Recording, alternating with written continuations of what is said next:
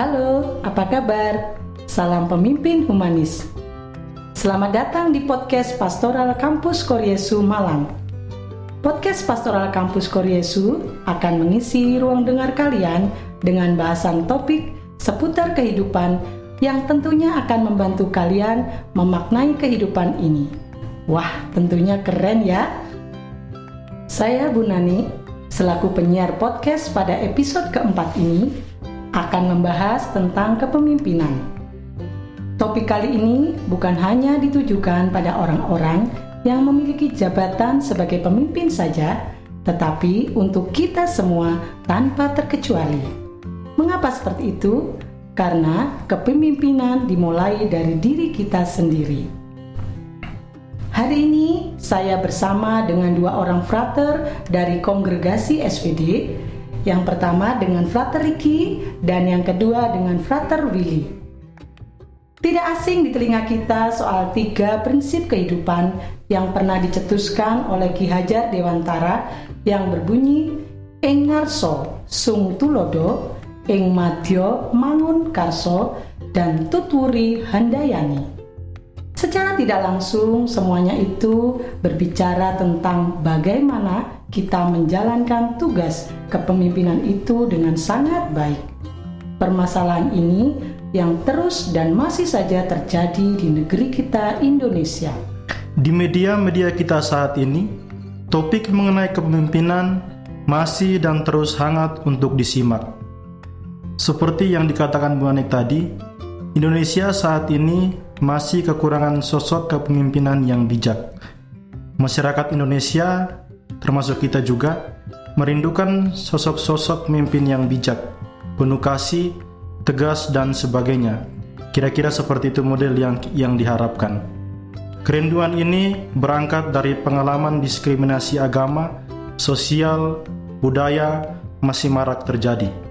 Singkatnya, sampai sekarang sosok pemimpin yang benar-benar humanis masih langka ditemui di Indonesia.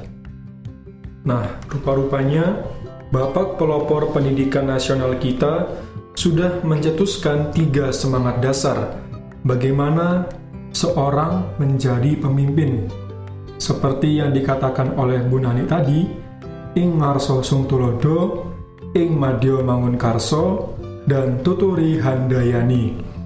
Pertama, Ingarso Sungtolodo atau dalam bahasa Indonesianya di depan memberikan teladan. Teladan seperti apa yang dimaksud? Nah, seketika saya ingat pada pernyataan Jokowi yang berbunyi kira-kira begini.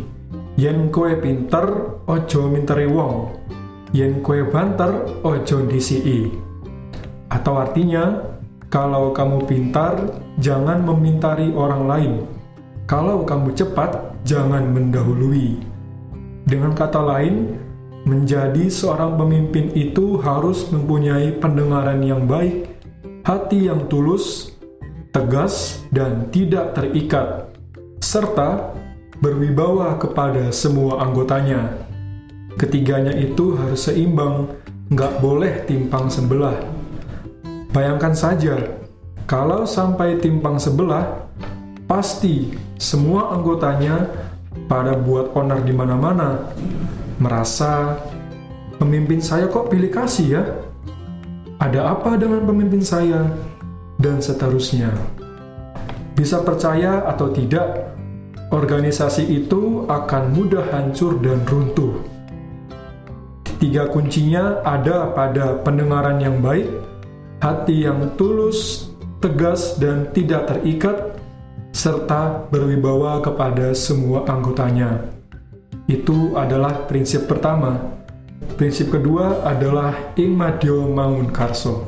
Nah, prinsip kedua ini dalam bahasa Indonesianya adalah di tengah memberikan semangat.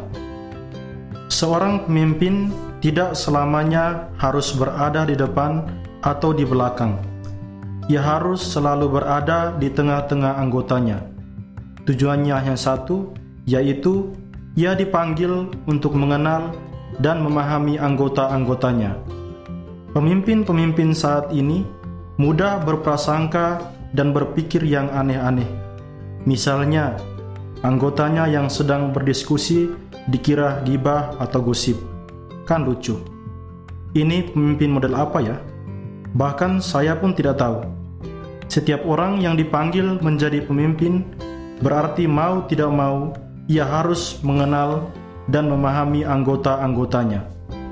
Mengenal dan memahami, kita hadir dan memberikan penghiburan pada mereka saat sedih, dirundung tekanan dari berbagai pihak dan lain sebagainya.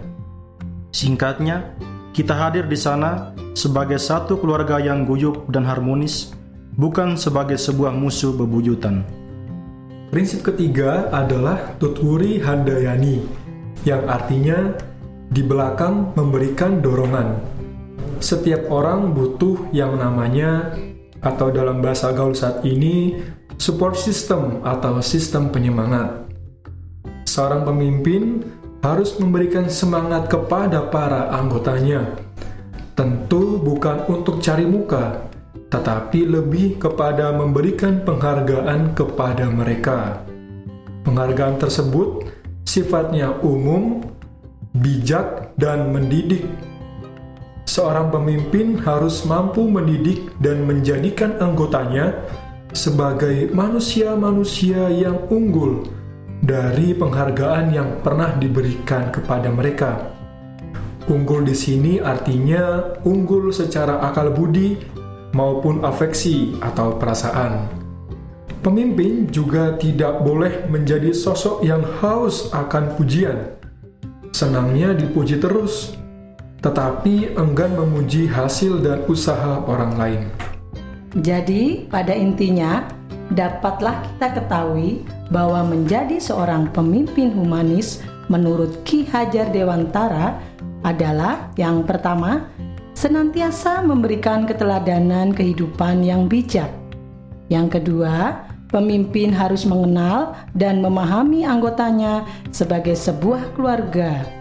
Dan yang ketiga, dan yang ketiga adalah pemimpin harus merangkul dan menciptakan budaya saling menghargai di antara anggotanya, sehingga hubungan kekeluargaan bisa terwujud selalu. Tepat sekali, Frater Riki. Semoga tiga cetusan Ki Hajar Dewantara tadi, Engarso Sung Tulodo, ing Madyo Mangun Karso dan Tutwuri Handayani selalu mendapat tempat di hati masyarakat Indonesia dan khususnya kita semua yang mendengarkan podcast ini. Apalagi situasi-situasi bangsa saat ini yang sedang dilanda krisis kepemimpinan.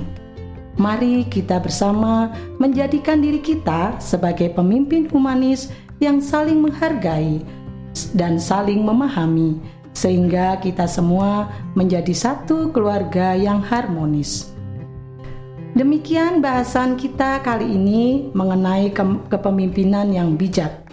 Terima kasih untuk kalian yang sudah mau mendengarkan podcast kali ini. Semoga apa yang sudah disampaikan bisa bermanfaat bagi kalian. Sampai berjumpa lagi pada episode berikutnya. Stay healthy, stay positive, and God bless you. Salam Serviam.